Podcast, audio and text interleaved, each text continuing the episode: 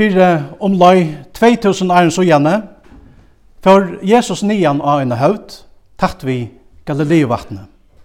Han sette seg nior og undervurste så gjerne så noen og teksteren til denne her dagen er en pastor av hese undervisning, som òsne verur kalla Jesu fjallapraktika. Men fjallapraktikan var ikkje berre en praktika som var atla læresvein noen ta fyrir mongon Aron så gjerne og når øysen i atle okkon, som vi trønja Jesus, er og Jesu lærersveinar og i det. Og skilt og hendan hatt, sleppa vi ut det, øysene nian av høvdena, saman vi Jesus, fyrir at høyre han undervisa øysene okkon. Vi tar sånnkje, kærløyken er fytling lauar og fullkomeløykans band. Man kan säga, at Jesu fjallapraktika er ein stor utlegging av tog som Jesus kallar fyrir hitt nutja boje. Her han sier, nutt bo djevi tikkun, tid skulle elska hver annan. Lukas som jeg vi elska tikkun, så la skulle òsen tid elska hver annan, sier Jesus. Vi skulle elska hver annan, tog jeg kærløyken er fytling lauar og fullkomeløykans band. Og i fjallapraktikene viser Jesus okkur hvordan hessen kærløyken synes seg i okkara løyve.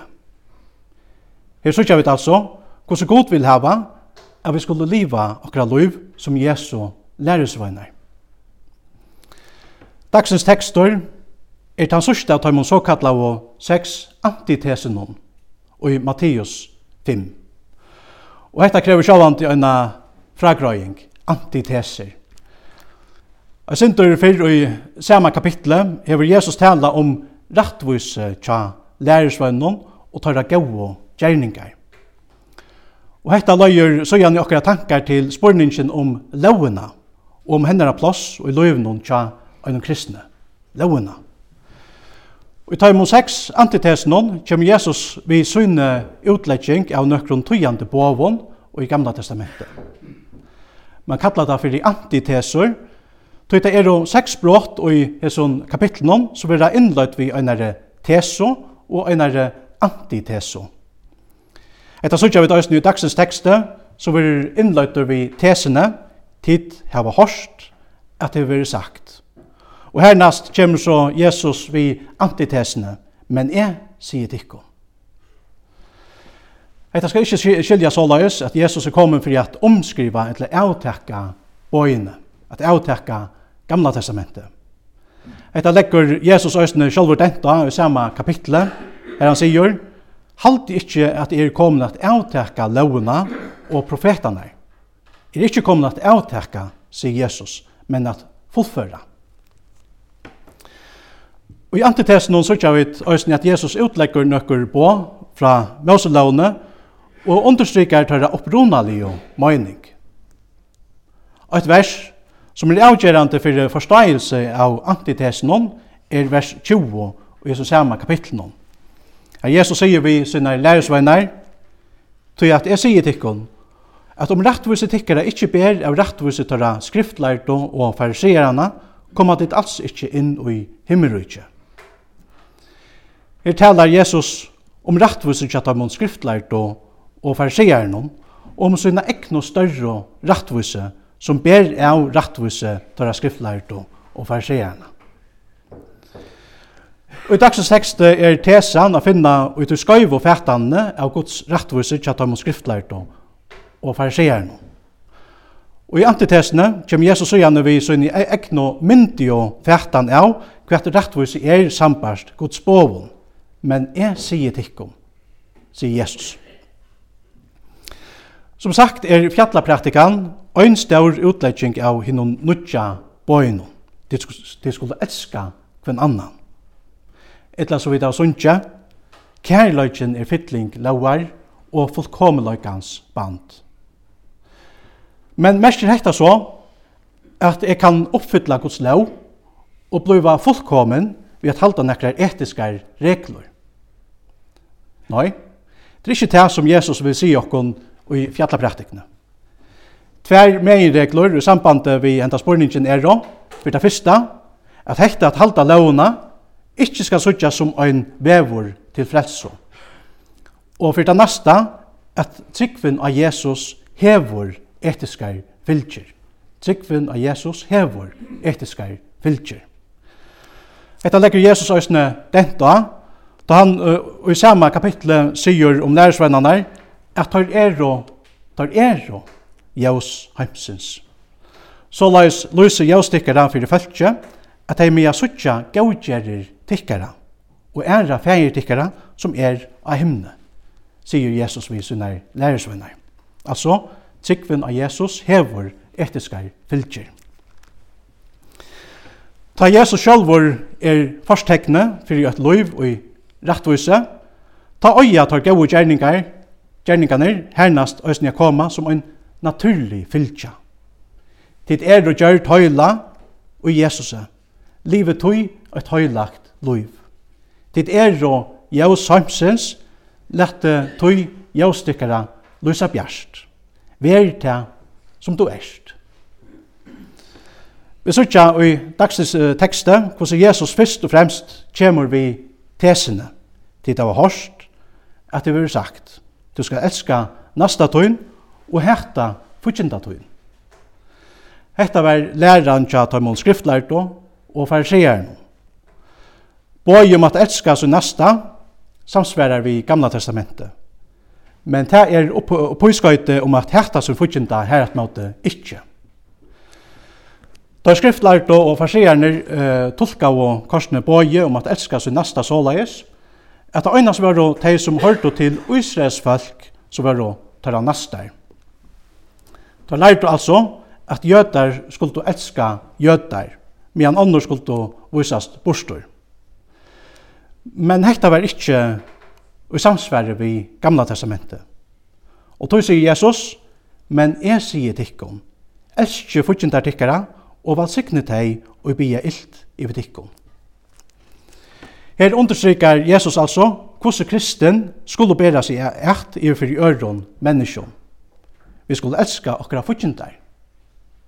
Og sikna tei og bia illt iver okkom. Gjera vel i møte taimon som hekta okkom. Og bia fyrir taimon som forfylgja okkom. Men så kan vi spyrja, letter hekta seg iver høver gjerra. Og så kunne vi vi høylon hoa elska okkara futjindar og bia fyrir taimon. Er det ikkje sintur verilaga fjersta sier såleis? er det ikke mest naturligt at gjøre bønta motsatta, at hætta teg som hætta okkon, at gjalda illt vi ytlon, og at hoa teg som hoa okkon. Sambars okkara sintio naturo, er hætta kanskje det mest naturliga at gjøre. Men det samsverar og hvordan er ikke vi Jesu egna vilja vi okkon. Hvordan kunne vi så gjøre ta motsatt av tog som okkara sintio natura vil? Hvordan kunne vi elske okkara fyrtjendar? Jo, hetta å seg øynast gjerda, ta vi så å sija hava mist okkara liv iver til Jesus. Ta vi er hansara læresveinar, og han er herre og okkara live, og ikkje vid. Her vi lærer vi at suttje ånder mennesker ved Jesu egen. At hava Jesu sinnalega, etla som vi har hørt i evangelien, vi er tog tid fullkommen, øns og himmelske fægertikkara er fullkommen. Det som vi får vite er altså at vi skulle fære vi mennesker som godfer vi mennesker. Vi skulle elske okra fudgjendar og bia fyrir tøymon som forfyllt jokkon. Det at her er jo det som god sjálfur gjer og som, ja, som han sjálfur gjer vi okkon. Og vi skulle bæra okkon eit av samme hot til tess at vi med å være bøtten fægers okkara som er i himmelen. Det at han letter sjálfsynna røysa fyrir ytlån og gauon, og letter rekna nir iver rattvois og eurattvois. Lyga som god elskar öll menneskjå, så lær skulle vi òsni elska öll menneskjå. Det at hei er öll ein ogn tja sjálfon gode. God han hefur skapt deg og hefur offra alt fyrir at løya deg alt, aftur til sin sjálfs. Han hefur offra alt. Eller som det stendur skriva, i Johannes 3, 16. Det er så elskar jeg god høymen. at han gav sånn søgn inn øynbarna, til tess at øyn og hver som tror han, ikkje skal glættast, men hava evigt liv. Hvor gjør det god tekta? Var det nekka godt i jokkon, og i heimenon, som ikke er han til å gjøre hekta? Nei, det var øyna og aløyna god store kærløyge til sin skapning. Så fikk han å grupe inn i hentan heimen vi syne frelso. Og Jesus sier at okkara gjerningar skulle sprette ut fra til sama kærleikanum. Lukka som Guds større og frelsande kærleiksgjerningar ikkje var større av menneskjon, så der skulle okkara kærleiksgjerningar overfyrir okkara nasta heldur ikkje vera større av hver i hes menneskjo er og hver hver hver hver hver hver hver hver hver hver hver Hóast dei er okkara fudgjendar, og hóast de kanska forfylgje okkur.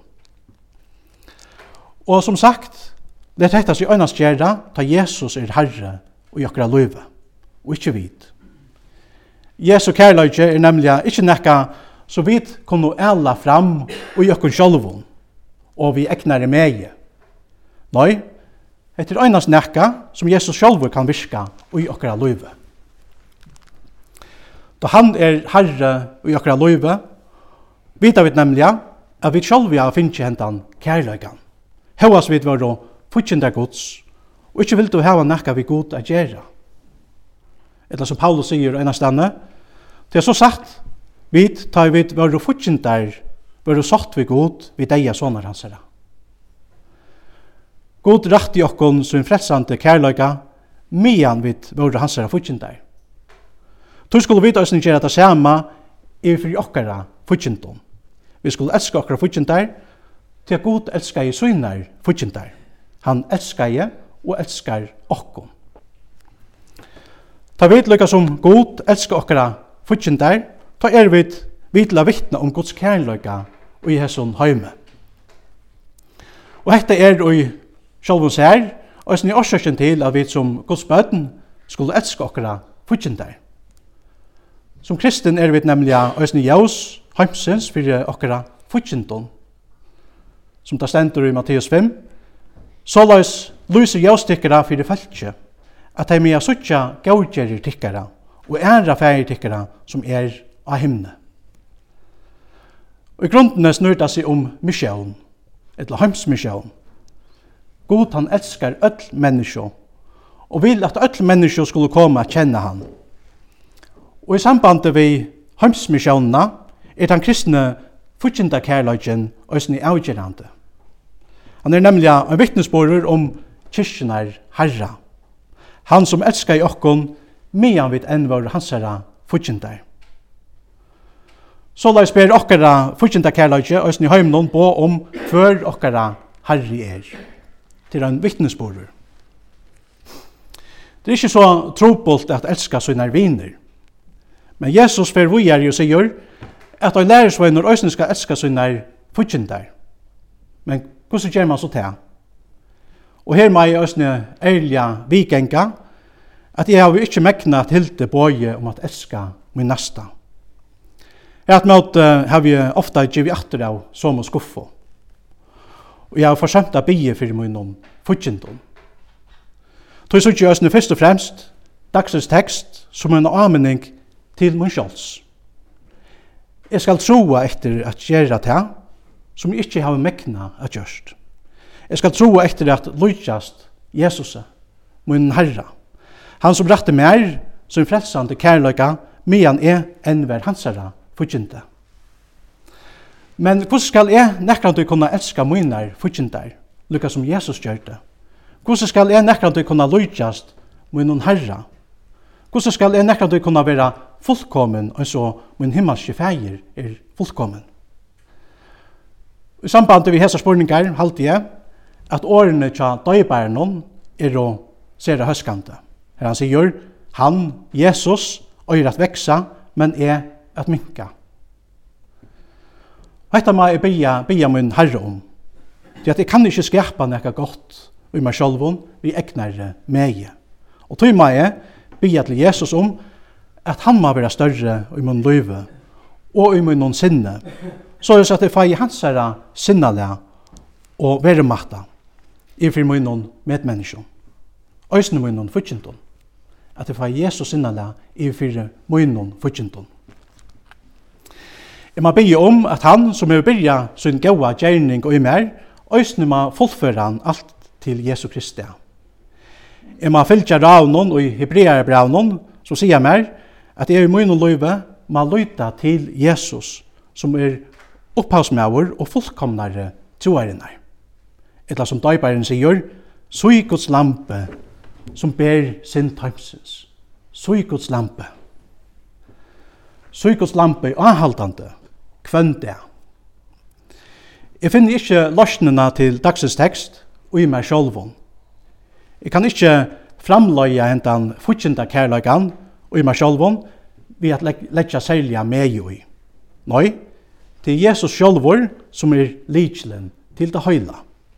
Han er jo hitt størsta døme om hentan futsinda kærløygan. Hikk etter Jesus av krossen. Hikk etter Jesus.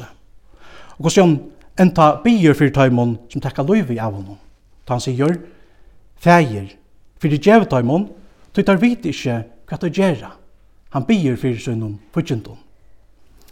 Og vi sykja òsne hos Jesu lærersvainar, her etter sjolver byrja at liva sambarst Jesu sama fyrtjenta kærleikanon. Hygg til dømes etter punslavattanon, Stefane. Og hos han bier fyrir taimon som er i holdt vi at drepa han. Her han sier, Herre, rakna tøymon ikkje hessa sint og pui. Stefan var byrjavur at lujtjast sin herra. Han var byrjaver at liva sambarst Jesu futsinda kærløyga. Men hvordan blei vi her kærløyken til veriløyga og i løyvnån tja Stefan kunne spyrja? Hvordan kan hessen og òsne vera til veriløyga og i okkara løyve? Og sverre er det samme for jokken ødel, begge for lærersvennerne ta av døven og i det, nemlig Jesus. Han er sverre. Vi elska, vi kunne bare elska, til at han elska i okkon fyrst. Han elska i okkon, mian vi enn var hans herra fyrtjendar. Han døye i okkara sted, og røys opp fra dem deio, for jeg fletsa okkon. Og vi må feste okkara eio og han. Okkara fletsara. Vi tar sunnkje, jauser rann av kærløks runde, løyves bratte av kærløks råd. Og jeg kan sjálvun finna vi ikkje nekra kærløyksråd. Og tu kan vi ikkje framløya Jesu kærløyka og jokra løyve vi egnar meie, som jeg har sagt. Nøy, hentan kærløykan får vi øynans lotoi tja okra frelsera, tja Jesus.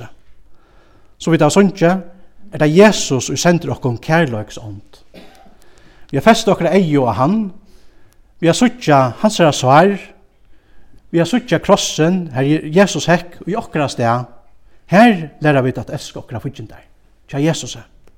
Det her suttja vi, hvordan nekv han vil elska søgnar fudgjendar, hvordan nekv han hefur elska te og me.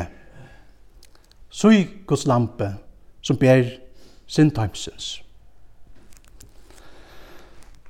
Lov og takk, og atler høyur, byrjet her, god og varon, feir sine og heilavn anda, som alltid hever vere, er og alltid vere ein sannur, tru einar god, halova vår, fra fyrste opphavet, nu om atler avr. Amen.